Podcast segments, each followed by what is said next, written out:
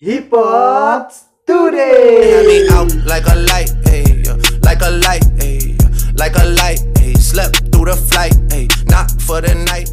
Di episode kali ini gue punya tema spesial yang pengen gue omongin pakai bahasa Inggris. Berhubung gue nggak bisa bahasa Inggris, gue minta tolong ke Google Translate. Hmm, gini nih. Kenapa pakai Google nih? Gue belum bisa pasti bahasa Inggris. Ya elah men, lu tuh kuliah 10 semester. Masa iya lu bahasa Inggris doang gitu nggak bisa? Masa lu kalah sama Gempi sih? Kenapa harus Gempi yang dibawa? Gue dibandingin sama Gempi. Lu, lu PUBG main kan? Main, main gue main PUBG. Nah itu lu bisa kan main PUBG? Itu kan di game men, bukan di kehidupan sehari-hari. Kalau di kehidupan sehari-hari mana gue pakai bahasa Inggris? Makanya men, lu tuh kalau ketemu sama bule ya, jangan cuma diajak foto lah. Sekali-sekali ajak tuh debat. Diajak tempat tuh ya. Tapi eh, tema spesial, emang apaan? Jadi tema kali ini gue pengen bahas tentang peran milenial terhadap pendidikan di masa pandemi. Wih, kenapa? Kenapa? Ada apa? Ada apa?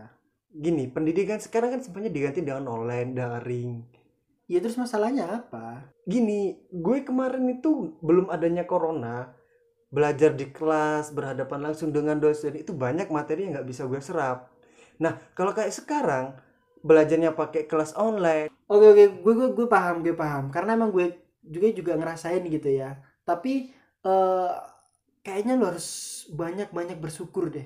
Di luar sana men, ya teman-teman kita, murid-murid itu ada yang berjuang mati-matian, nyari sinyal segala macem, ada yang minjem HP segala macem, hanya untuk belajar online. Nah gue gue sebagai orang yang lihat itu itu respect banget gitu.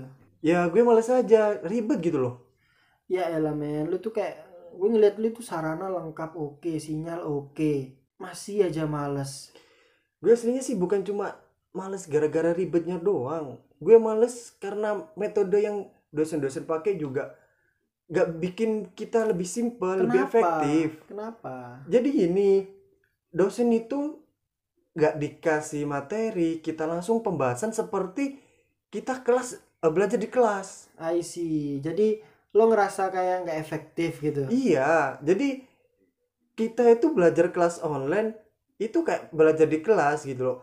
Belum lagi nanti teman-teman kita yang internetnya terputus, Hmm. yang dosennya internetnya terputus, itu kan terganggu ya kan? Apa yang dijelaskan dosen kita nggak paham. Terus nanti tiba-tiba ada tugas, kita nggak tahu nanti yang dibahas apa, Hmm. tiba-tiba tugas. Iya iya iya juga sih, lu lu bener sih. Cuman eh, kalau kalau gue ngelihatnya ya men, itu eh, salah di metodenya kan. Iya ya, emang met- metodenya menurut gue kurang efektif gitu. gue sih punya saran gitu ya buat buat temen-temen nih murid-murid di Indonesia nih ya di era kayak gini tuh bukan eranya kita malas-malasan meskipun ribet ya simpelnya tuh gini men lu tuh hanya perlu adaptasi dengan metode ini metode yang baru ini kan baru banget kan ya Iya iya iya betul betul. nah lu tuh cuma perlu adaptasi doang gitu di masa-masa kayak gini emang dengan metode yang baru kita harus bisa cepat-cepat beradaptasi dengan baik gitu nah kan bener bener bener nah buat buat tenaga pendidik juga kayaknya juga mereka juga kasihan gitu men ya. Karena eh, mereka tuh harus kasih metode yang pas itu untuk murid-muridnya. Nah buat guru-guru nih baiknya mereka tuh harusnya nge-share materi satu dua hari sebelum kelas itu dimulai. Sehingga pas pada waktu kelas sudah dimulai nih ya itu mereka tinggal nge-review nge-review aja gitu. Terus kemudian ngasih tugas nggak masalah. Tapi kasihlah tugas yang sifatnya kayak pendapat atau paling enggak ada sebuah masalah suruhlah murid-muridnya yang pecahin. Biar apa? Biar mereka itu kreatif gitu. Nah kalau itu gue setuju. Karena gini kemarin itu metode-metodenya itu kurang efektif. Dan juga tugas-tugasnya terlalu banyak dengan waktu yang terlalu mepet. Tetangga gue tuh setiap hari itu ngomel. Karena anaknya itu selalu tiap hari tuh ngerjain tugas ngerjain tugas. Alasannya tugasnya harus dikumpulin nanti malam. Tetangga gue itu itu kasihan dengan anaknya yang harus tiap hari ngerjakan tugas terus. Gitu. tugasnya numpuk ke mana-mana gitu iya kan. betul betul Dan- sekali. rata-rata itu ya rata-rata ya. Gue nggak bilang semuanya ya. Iya, tapi rata-rata tugas yang diberikan itu kayak tugas-tugas ya gampang di search di Google terus tugas-tugas kopas nulis lagi dari buku. Kayak apa ya nggak kreatif buat murid-murid gitu Iya, iya, iya sih. dan juga waktunya terlalu mepet. Iya benar-benar. Iya kalau ngerjakannya cuma satu, tapi kalau sehari itu ada tiga atau Waduh. empat dan waktunya cuma satu malam atau satu kali 24 jam, kan kasihan dia nggak Iya. istirahat. Iya, pusing banget sih kalau gitu, Iyalah. men. Ya. Mungkin poin dari episode kali ini cuma ada dua itu aja, men. Mungkin iya men. Apa? Pertama, Oke, oke, ayo. kalau ketemu bule kita debatin. Anjir. Yang pertama, buat murid-murid, jangan males-malesan.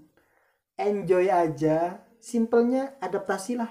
Untuk para pengajar, berikan metode-metode yang simple dan efektif untuk para muridnya agar kelas online itu berguna dan bermanfaat dengan baik. Ya, semoga eh, pendidikan di Indonesia ini semakin stabil lah, men. Amin amin amin. Dan dan kita ya, kita juga Iya, nggak iya. nggak ngomong banyak tentang pemerintah Iya, ya. iya, iya. Karena mereka tuh pasti pusing banget itu mikirin corona. dan dan kita nggak dan kita jangan berharap terlalu banyak kepada pemerintah. Benar benar. Harusnya kita tuh milenial itu yang lebih giat untuk bisa membangun juga bangsa kita. Ya, intinya itu mulai mulainya itu dari diri kita sendiri gitu Betul. untuk untuk apa merubah sistematis yang agak kacau ini ya. Iya, betul sekali. biar pemerintah yang nyelesain corona kita, Kita- fokus Pendidikan. nah benar. Kepada teman-teman, tetap di rumah aja. jaga kesehatan, ikuti protokol. Indonesia sehat, bersatu melawan corona